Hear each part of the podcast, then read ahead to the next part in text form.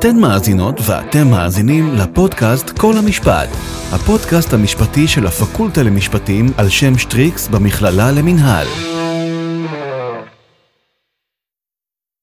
חשבתם לעצמכם פעם, מה היה קורה אילו ברגע לידתנו היו מצמידים לנו תווית ועליה מחיר?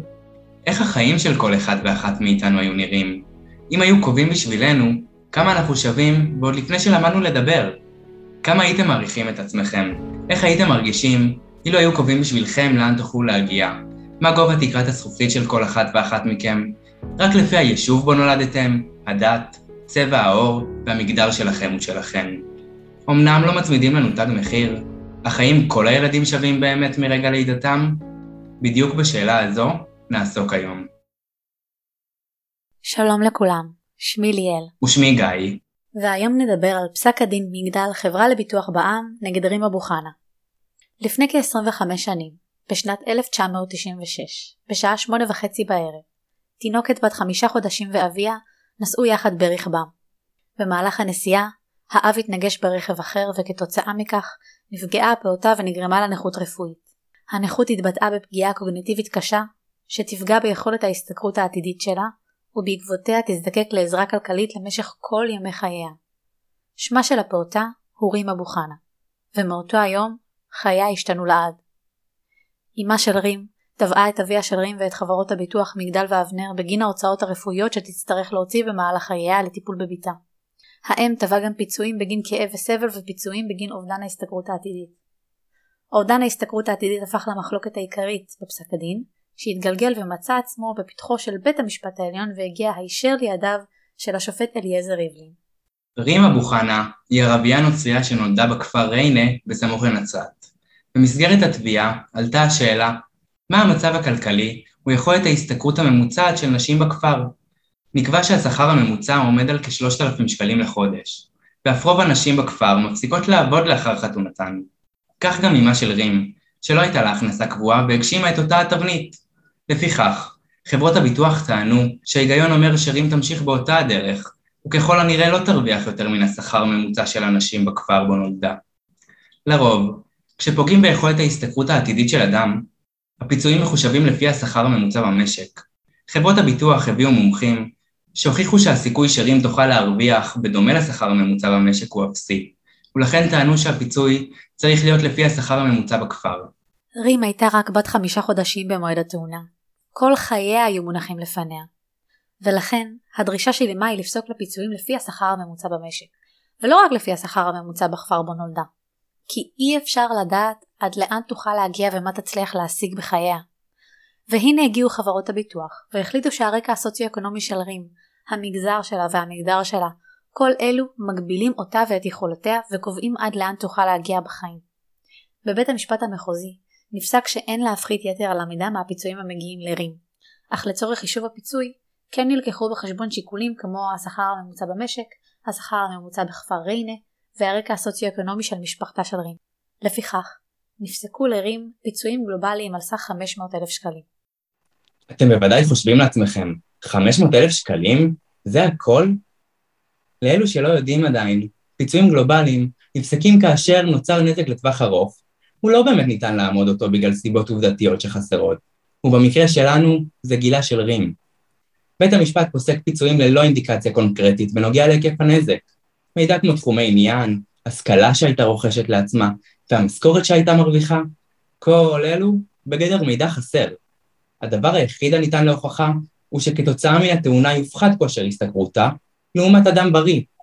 פיצוי גלובלי בדיני הנזיקין יהיה בהתאם להערכה ולהתרשמות של בית המשפט.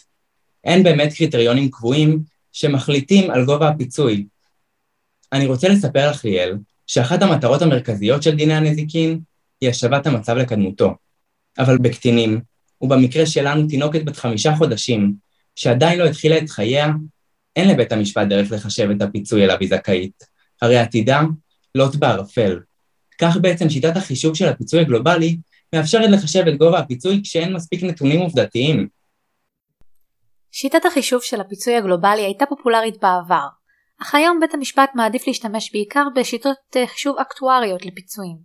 אקטואריה, או בשמו השני ניתוח סיכונים, הוא מדע המשתמש בטכניקות מתמטיות, סטטיסטיות וממוניות לפתרון בעיות כלכליות בתנאי אי ודאות. אם נפשט, זה כמו רשימת מכולת עם מחיר ליד כל נזק, שהוא בעצם הפיצוי על כל עוולה. החישוב האקטוארי הלך ותפס תאוצה החל משנות ה-80, ושופטים רבים העדיפו אותו על פני החישוב הגלובלי. העדפה היא ברורה, משום שזהו חישוב מפורט ומנומק, ולכן הוא הועדף על פני דרכו העמומה של החישוב הגלובלי. בפסיקות רבות צוין על ידי בית המשפט שאם יש דרך להגיע לחישוב פיצויים שהוא מפורט, אמין ומתקבל על הדעת, אז עדיף להשתמש בדרך החישוב הזו, כלומר האקטוארית, ורק כאשר אין מספיק נתונים וכל ניסיון לחישוב יהיה בגדר השערה והימור, יחשבו בדרך הגלובלית. את בוודאי יודעת שמגמת השינוי של שיטת החישוב לא פסחה כמובן גם על החישוב של הפיצויים בגין הפסד השתכרות של ניזוקים קטינים. לכאורה, ניתן להגיד שזה אחד החריגים לשיטת החישוב האקטוארי. אין מספיק נתונים, וכל ניסיון לחישוב יהיה בגדר השערה. אין לדעת מה יהיה עתידו התעסוקתי של הקטין, ולכן זה מקרה קלאסי לפיצוי שיחושב בדרך הגלובלית. אבל, את החסר ניתן להשלים בעזרת השכר הממוצע במשק. ואז ההנחה היא שאלמלא התאונה, הקטין היה משתכר בשיעור של השכר הממוצע במשק. בעניין אבו חנה, שני הצדדים לתביעה ערערו לעליון בנוגע לסכום הפיצויים שנקבע במחוזי. חברות הביטוח טענו שבית המשפט לא נתן מספיק משקל לרקע האישי והמשפחתי של התובעת, ואילו התובעת טענה שלא היה צריך להתחשב בזה בכלל. בערעור, השופט ריבלין משתמש בדימוי המאזניים כאשר הוא בוחן את נזקה של רים. על כף אחת של המאזניים מונחת משקולת שנקרא לה אלמלא. מה היה מצבה של הניזוקה אלמלא התאונה? על הכף האחרת של המאזניים מונחת משקולת שנקרא לה עקב. מהו מצב הניזוקה עקב התאונה? דימוי המאזניים מנסה לשקף לנו את הניסיון להשיב את מצבה של רים לקדמותו. לצערנו במקרה של רים לא ניתן היה להשיב את המצב לקדמותו והיא תיאלץ להתמודד עם הקושי לאורך כל ימי חייה. אך כן קיימת שאיפה להעמיד את רים במצב בו הייתה אם התאונה לא הייתה מתרחשת, באמצעים כספיים כמובן. עמדה זו מבוססת בין היתר על גישת הצדק המתקן.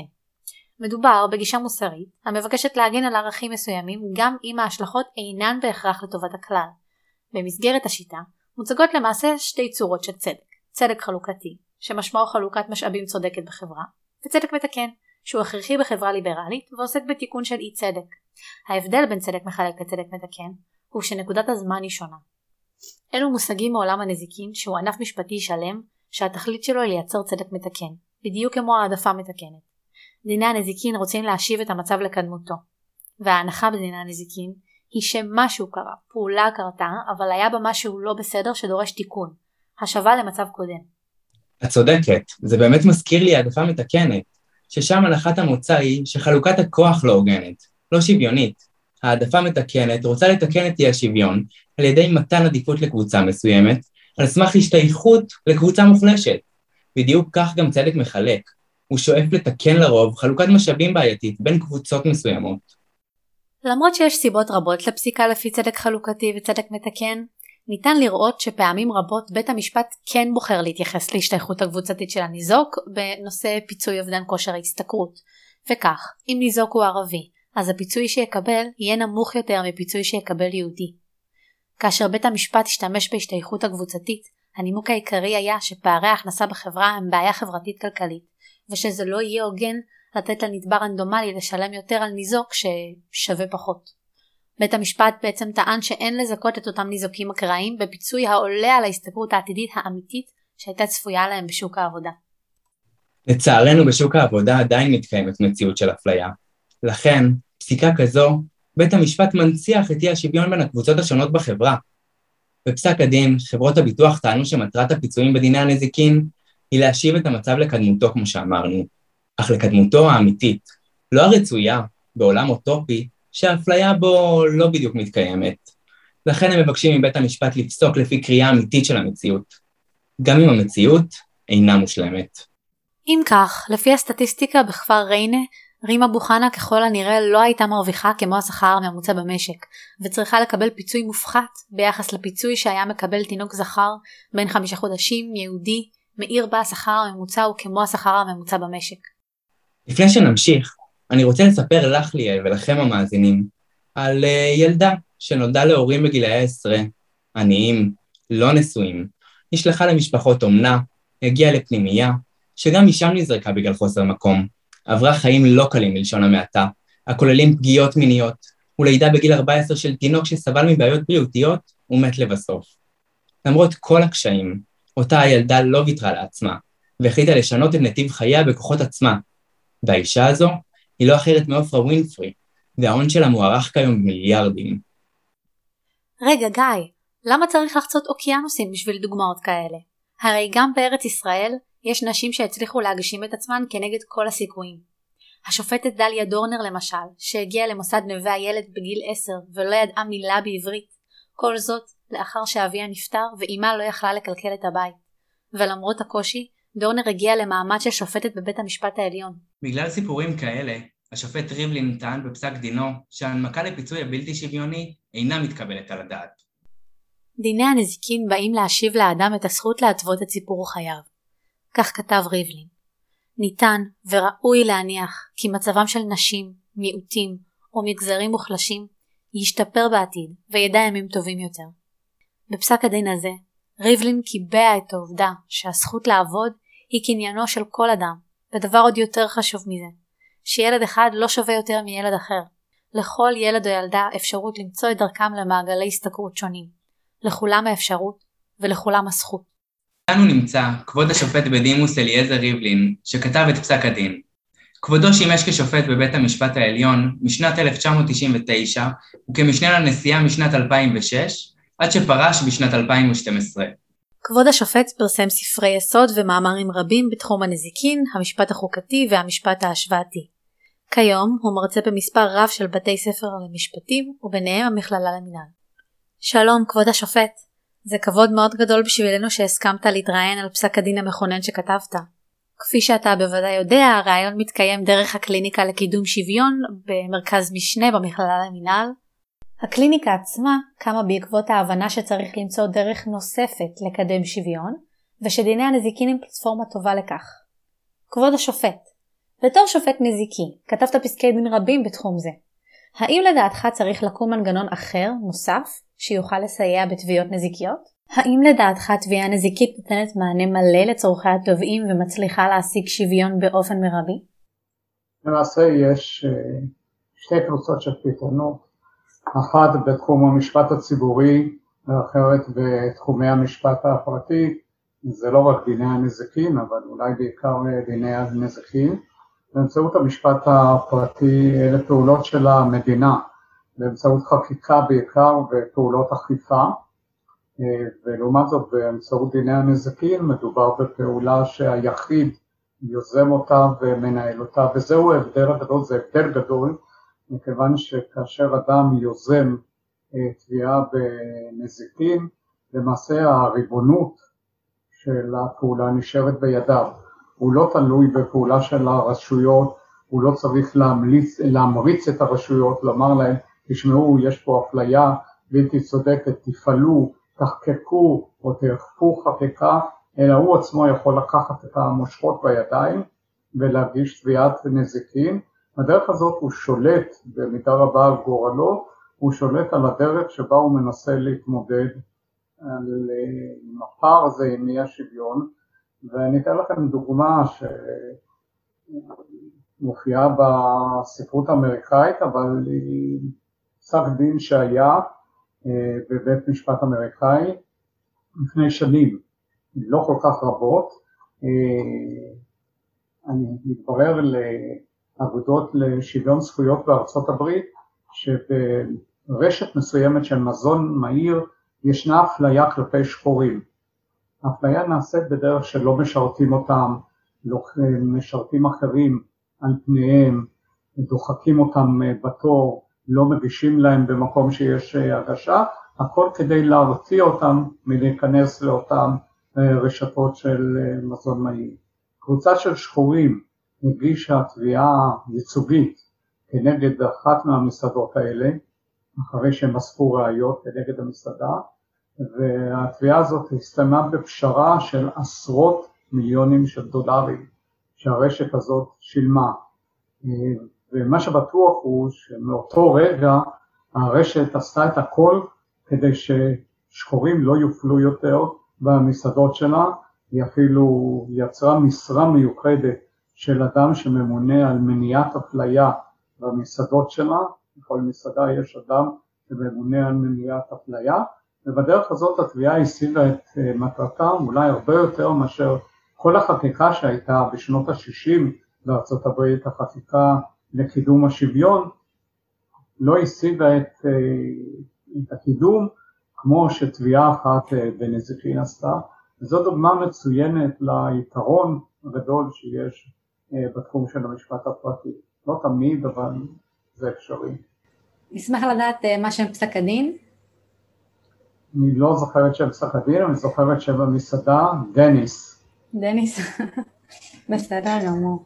אה, אתה אה, הזכרת את המשפט החוקתי בתור אה, עוד דרך כדי לסייע בתביעות וליצור שוויון. אז באמת נרצה להעמיק בראש נזק של פגיעה בזכות לאוטונומיה, שהתאוצה המרבית שתפס זה בעקבות נגיד חוק יסוד כבוד האדם וחירותו. אז הפעם הראשונה שבית המשפט הכיר בראש נזק זה של פגיעה באוטונומיה הייתה באלי דקה. שם נקבע שכששוללים מידע מאדם והמידע היה רלוונטי לקבלת ההחלטה, זו פגיעה בזכות לאוטונומיה. בעניין אנטבי הייתה הרחבה משמעותית של פיצוי בגין הפגיעה באוטונומיה. בין לבין בפסק דינך בעניין אבו חנה אמרת, לכל אדם עומדת הזכות לכתוב את סיפור חייו, זוהי האוטונומיה של הפרט. ולכן נרצה לשאול האם לדעתך במהלך השנים בית המשפט הרחיב את הפגיעה באוטונומיה יתר על המידה? האם ההרחבה היא רצויה בכלל? ואיפה אתה היית שם את הגבול בהרחבת המושג? השאלה היא שאלה מצוינת. ראשית כל, אתה הגדרת נכון את ההתפתחות שהייתה בפסיקה מעלי דקה, אני הייתי אומר מעלי דקה ועד תנובה, עד אה, פסק הדין של השופטת חיות בתנובה, בית המשפט העליון באמת הרחיב את היישום של אה, הזכות הזאת לאוטונומיה מעבר לשאלה של הסכמה מודעת בתחום הרפואי, שזו הייתה שאלה בעלי דקה, גם לעבר תחומים אחרים של דיני הנזקים וגם לעבר דיני הצרכנות. תנובה למשל, או פסק הדין שאתה הזכרת של אנטבי. והגדרה לכן היא לא הגדרה של עלי דקה יותר, אלא יותר ההגדרה שהייתה באבו חנה ובמרגלית קדוש, הזכות של אדם לכתוב את סיפור חייו. אגב, ההגדרה הזאת היא מבוססת על כתיבה אקדמית של פילוסופים של המשפט, ביניהם אה, רז וגם טברסקי ואחרים בארצות הברית, אה, זאת ההגדרה שהם נתנו לפגיעה באוטונומיה, וזאת הגדרה שמשקפת יותר את הפסיקה של היום, את התחומים שבהם אה, משכרת הפגיעה באוטונומיה.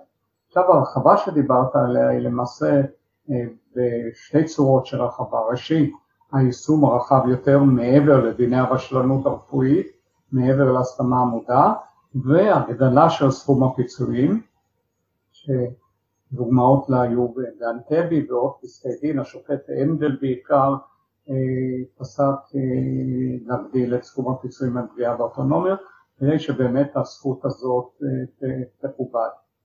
האם צריך להטיל גבולות או האם מדובר על הרחבה מוגזמת, אז ישנן, אתם יודעים, שתי אסכולות בבית המשפט העליון, ישנה אסכולה שהשופט הנדל ואני פיתחנו אותה, אה, שאי אפשר לדבר על הרחבה. אם יש אחריות ויש פגיעה, צריך להיות פיצוי. אה, ישנה אסכולה שהשופט אה, עמית מפתח אותה, לצמצם את התכולה של הפיצוי עבור פגיעה באוטונומיה.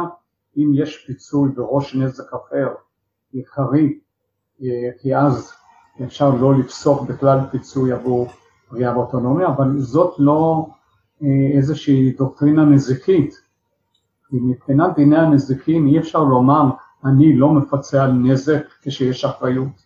יש אחריות ויש פגיעה, יש נזק, צריך לפצות. מחוץ לדיני הנזיקין אתה אומר אני לא רוצה להפעיל את דיני הנזיקין, אני לא רוצה לפצות עבור פגיעה באוטונומיה. יש שיקולי מדיניות. שזו אפשרות, אה, זאת קביעה לבר נזיקין, מחוץ לדיני הנזיקין, והיא יכולה להיות, יכולה גם להשתנות. הייתה הלכת הניקוי אה, בשעתו, שיישמו אותה בצורה לא נכונה בתביעת תלויים ותביעת עיזבון, אה, קבעו שראש הנזק הגבוה יותר ישולם וראש הנזק הנמוך יותר לא ישולם, וזה היה, יישום בטעות, השופט טל שנפטר לאחרונה אה, כתב בפסקי דין למרות שהוא לא היה נזקיסט, הוא אמר אני לא מבין למה משלמים את הגבוה ולא את הנמוך, למה לא משלמים את שניהם, והוא צדק ובהזדמנות הראשונה שהייתה לי אני החזרתי את ההלכה של טל שנשאר במיעוט כל הזמן והוא הפך אה, לרוב, לכן מבחינת דיני הנזקים צריך לשלם ואין לדבר על הרחבה. משאמרנו זאת ודיברת על הגבולות אז בית המשפט הציב בגבולות עוד לפני הפסיקה של השופט עמית ומרגלית קדוש. שם נקבעה הלכה שלא מפצים על כל פגיעה באוטונומיה אלא רק על פגיעה חמורה בליבת האוטונומיה. לדוגמה ביצוע טיפול אה, רפואי חודרני בלי לקבל הסכמה זו פגיעה חמורה והיא בליבת האוטונומיה, האוטונומיה של אדם על הגוף שלו אה, ולכן פגיעה כזאת תוכר. אבל פגיעה שהיא לא בליבת האוטונומיה, למשל, אני בדוגמה שאני נותן, אם כופים על סטודנטים באוניברסיטה להיבחן בבחינות כדי לעבור משנה לשנה, כמובן שזה פגיעה באוטונומיה שלהם, אבל זו לא פגיעה חמורה אה, ולא בליבת האוטונומיה ולכן בית המשפט לא יתפסה. אז אלה הגבולות שבית המשפט עצמו הציג במה שקשור ליישום הפגיעה הזאת. אז אם כבר בעקרון האוטונומיה עסקינן, אה, בפסק הדין אתה אכן ביטאת לראשונה את הרעיון שלפיו לכל אדם, ללא הבדלי מוצא, מגדר, גזע או דת, יש את היכולת לכתוב את סיפור חייו, שכל האפשרויות פתוחות בפני כל אחד. ומטבע הדברים, כאשר אדם נפגע, מתחם האפשרויות הזה מצטמצם בפניו, ועל כן יש לפצותו. הטיעון מאוד יפה תאורטי, אבל במסגרת המאמר אה, השבת המצב לקדמותו בתביעות לפיצוי על נזקי גוף עיקרון יסוד שעבד עליו הקלח מאת דוקטור נילי קרקו אייל נטען שהוא לא עולה בקנה אחד עם המציאות שמבחינה סטטיסטית הסיכוי של חנה להרוויח כמו השכר הממוצע במשק התממש בעוד כמאה שנים.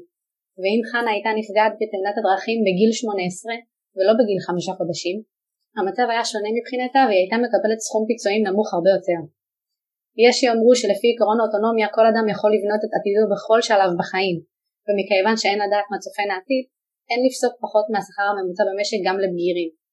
אם היית נדרש לפסוק בתיק בו העובדות הן אותן העובדות, רק שהפעם חנה היא אישה בגירה. האם היית משנה את דרך פסיקתך, משום שהיא כבר החלה לעבוד את עתידה? התשובה היא כן.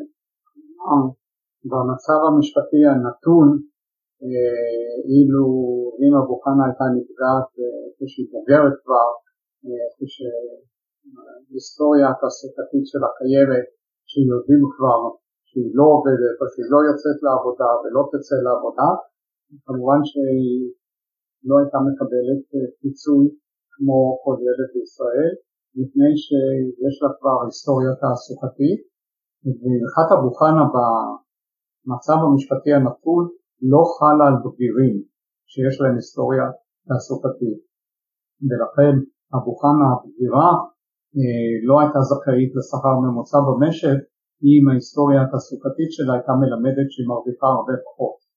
גם אם היא הייתה אך ורק בת 18. אני לא יודע, 18 זה עוד גיל אה, ביניים, גיל מעבר, קשה לדעת אה, מה תהיה ההסתכלות של אדם בן 18, אבל אם היא הייתה כבר יוצאת לעבודה והיינו יודעים שהשכר שלה הוא נמוך או יישאר נמוך אז היא הייתה מקבלת אה, כמו בוגרים.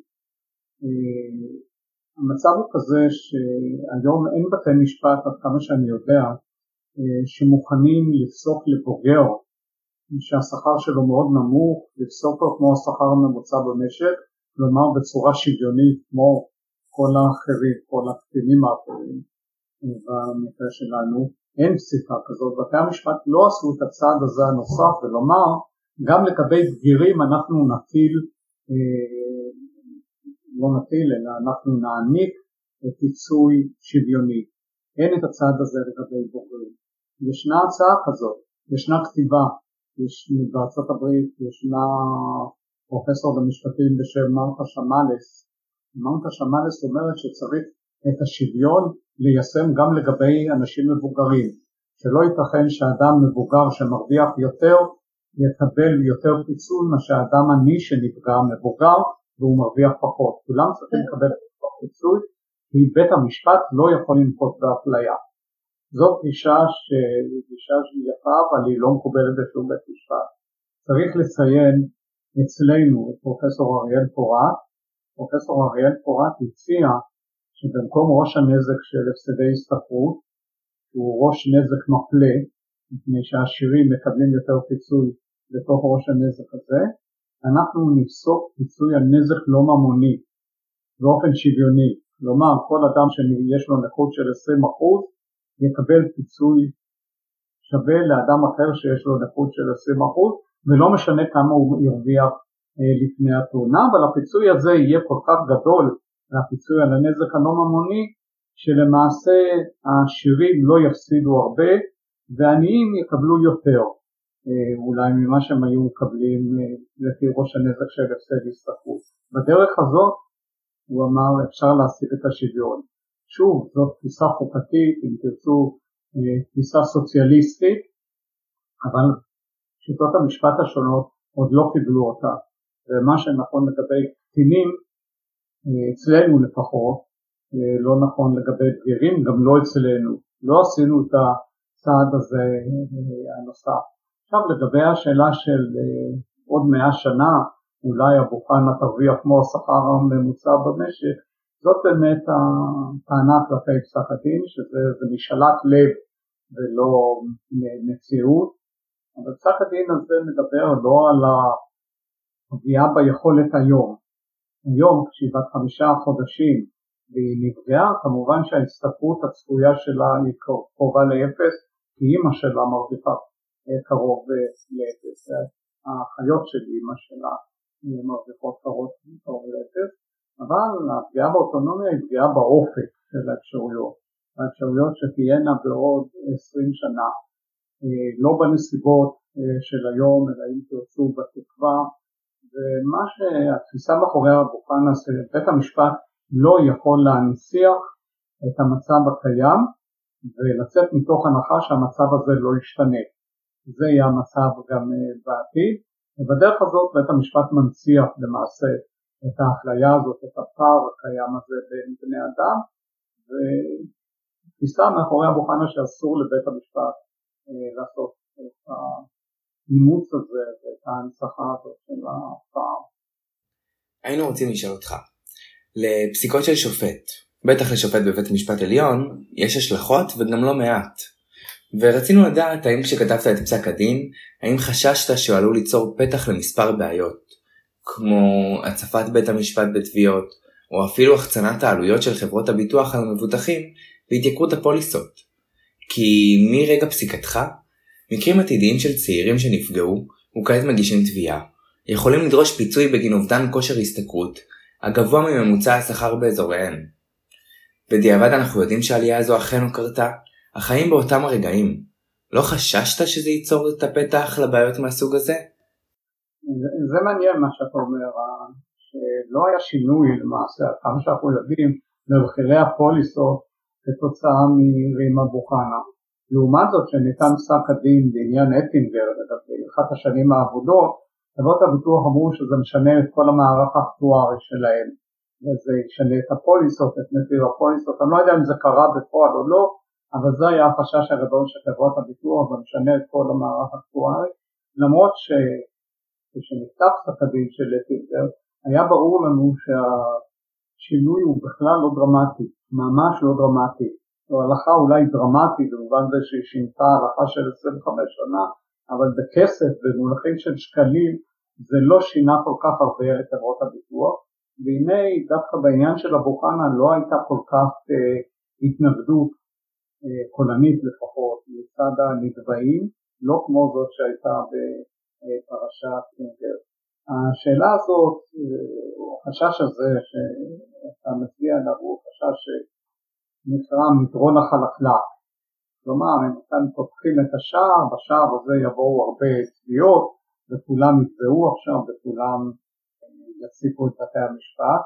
המציאות הוכיחה שבתי המשפט לא הוצפו יותר מאשר אה, קודם, אה, ואולי במובן מסוים היה איזשהו חיסכון במשאבים גם של בתי המשפט וגם של הצדדים, מכיוון שהרחבת החזקה הזאת הנחת העבודה של שכר ממוצע במשק על כולם חסכה המון משאבים. זאת אומרת אם לפני אבו חנה היו מביאים עדויות, כמה מרוויחות הבנות במשפחה וכמה מרוויחים האחים במשפחה של אטינגר לכאן ולכאן, אלה רוצים להוכיח יותר מהשכר הממוצע, אלה רוצים להוכיח פחות מהשכר הממוצע, המון משאבים הוצאו על העדויות האלה.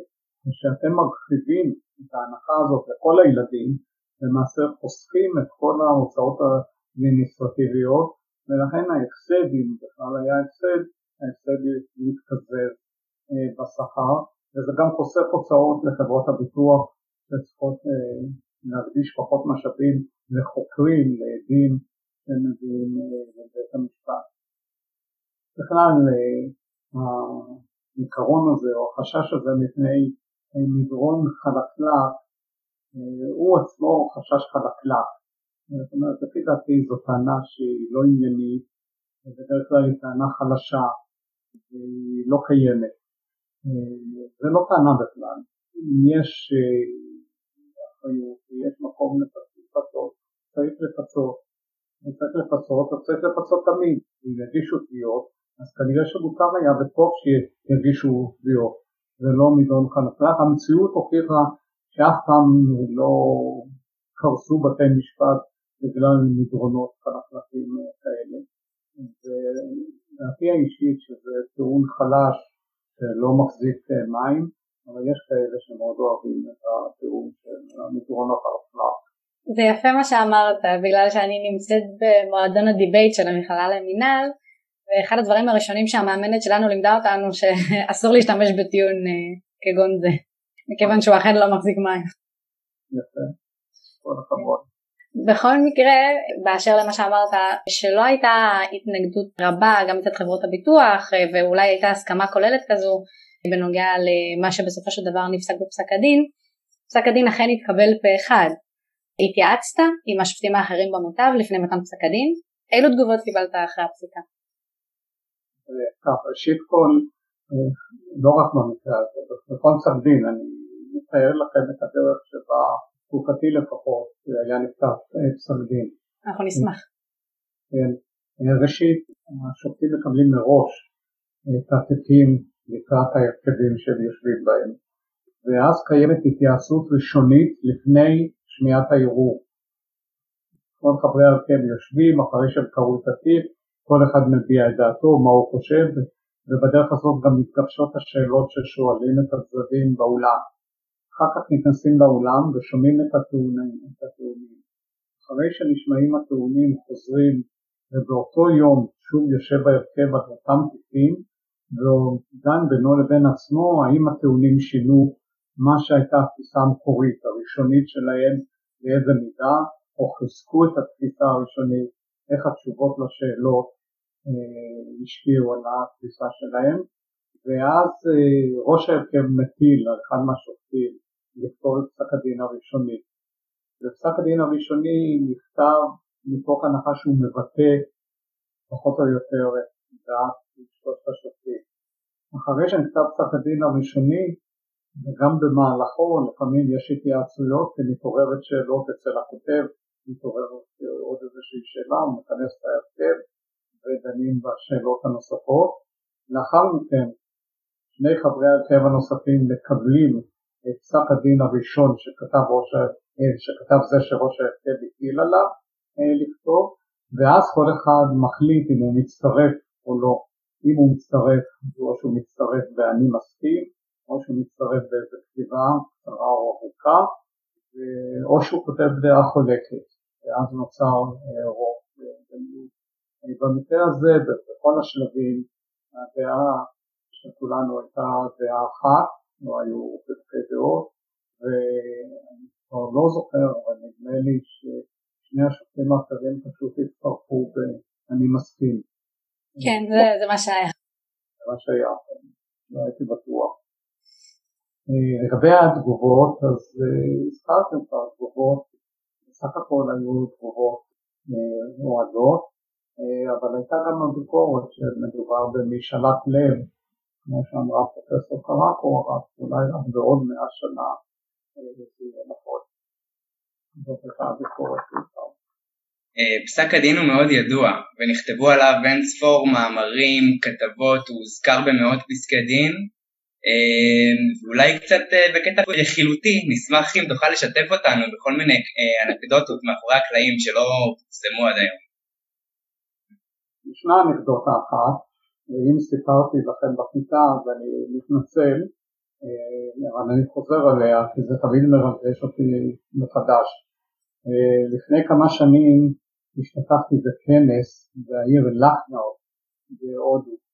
זאת עיר שדה קטנה במולכים הודים, כמה מיליונים של אנשים, משהו כמו מדינת ישראל, נחשבת לעיר שדה לא גדולה, וביקרתי שם בבית ספר גם קטן, 42 אלף תלמידים בבית הספר למדו,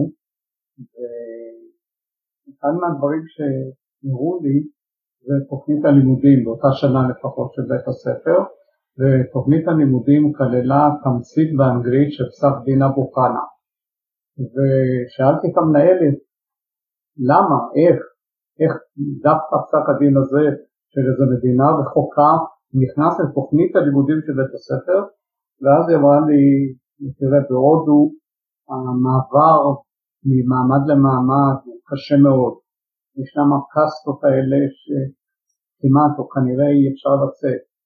ישנם בודדים שמצליחים איכשהו לעבור ממעמד למעמד. יש הבדלים מגדריים מאוד קשים בהודו. ואמרה המנהלת, המנהלת עצמה אגב, היא יצאה החוצה מחוץ להודו, היא התחנכה באוקספורד באנגליה, חצי שנה מנהלת את בית הספר בלחנאו וחצי שנה היא מרצה באוקספורד באנגליה. והמנהלת אמרה אני רציתי לחנך את התלמידים ובעיקר את התלמידות שאין תקרת זכוכית.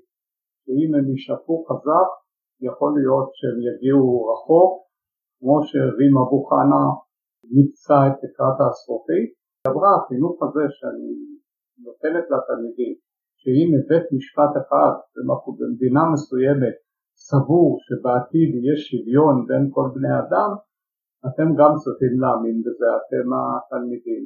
זה אחד מהדברים, אולי אחד מהאנקדוטות המפגשים שהכי ריגשו אותי.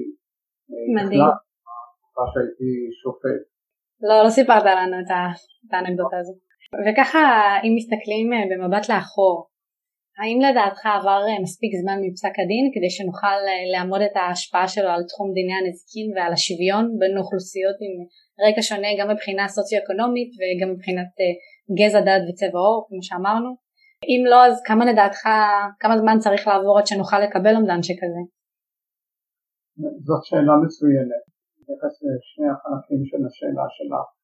ראשית מבחינת דיני הנזקים זה שינה, זאת אומרת היום אין בית משפט בארץ שמוכן לקבע קטין למסגרת הסוציו-אקונומית שלו.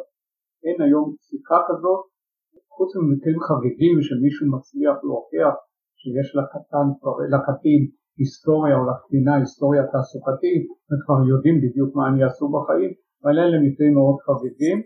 אבל חוץ מהמקרים החריגים האלה שום בית משפט היום לא מקבע את הקטין למסגרת שלו אגב זה פועל לשני הצדדים אדם שקטין או קטינה שנולדו למסגרת ענייה יקבלו את השכר הממוצע במשק קטין או קטינה שנולדו למסגרת עשירה יקבלו את השכר הממוצע במשק.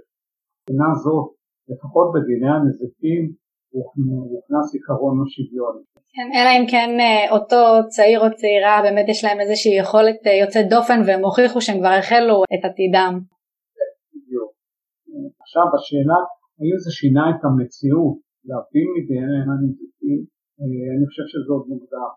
אני לא יודע אם רימה בוכנה יצא כבר לגיל העבודה, יכול להיות שכן. כבר יצא. אני לא יודע, אתם אולי יודעים יותר, השאלה מה היא עושה היום. האמת שניסינו לברר, אבל אה, לא הצלחנו. כן, חיפשנו ולא מצאנו. אבל אם אני לא טועה, היא נולדה ב-98, היא כבר בגירה. מעניין.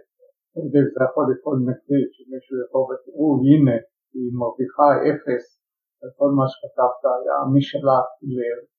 אבל אולי זה מוקדם, אולי זה מוקדם אה, לראות אם באמת הפסיקה הזאת, כל הפסיקה גם שבאה בעקבות אבו חנה, תשנה את המציאות.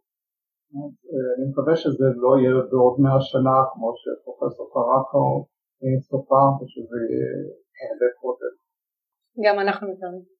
ולסיום, בנאום הפרידה שלך כשופט בית המשפט העליון אמרת, במובנים רבים רים אבו חנה היא אני, ונשמח לדעת מה הייתה כוונתך.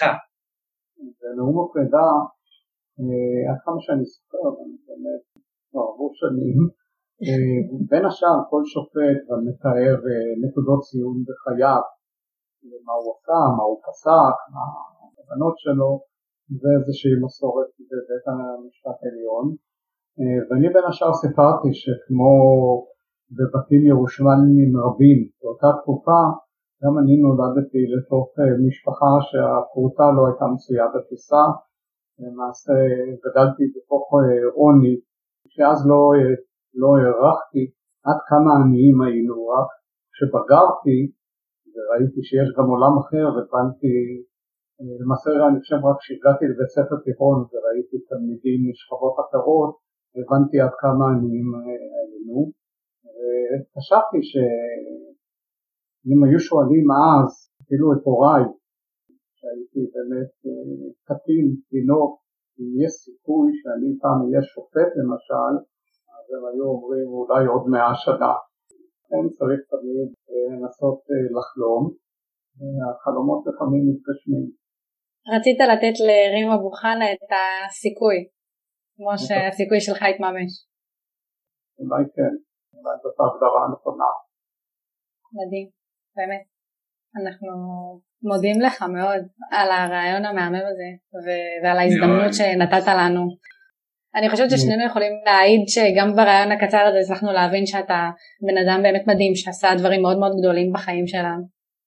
הרעיון הזה נתן לי הזדמנות לפגוש אתכם, שאני שמח לפגוש את התלמידים, שמח תמיד לפגוש את התלמידים במכללה, אני חושב שבית הספר למשפטים, נדמה לי שהוא עכשיו משנה את שמו לפקולטה למשפטים, במכללה למינהל, הוא בית ספר, ואני לימדתי בו בהפסקות המון, המון שנים, תמיד היה בית ספר נעים, היו בו תלמידים נהדרים, תלמידים נכונים, וזה אחד המקומות שתמיד נהניתי ואני ממשיך לאהוב, אני ממשיך ללמד שם, אחד המקומות הכי כיפים ללמד זו המכללה למינהל, אז בהזדמנות זאת הרבה הרבה הצלחה לכם, גם בטוח שהיא תהיה. תודה רבה. הרבה הרבה בריאות והצלחה. אז עד כאן הפודקאסט שלנו, אני רוצה להודות לך גיא. תודה לך ליאל ולכם המאזינים שהקשבתם לנו. עד כאן, דיון נוסף.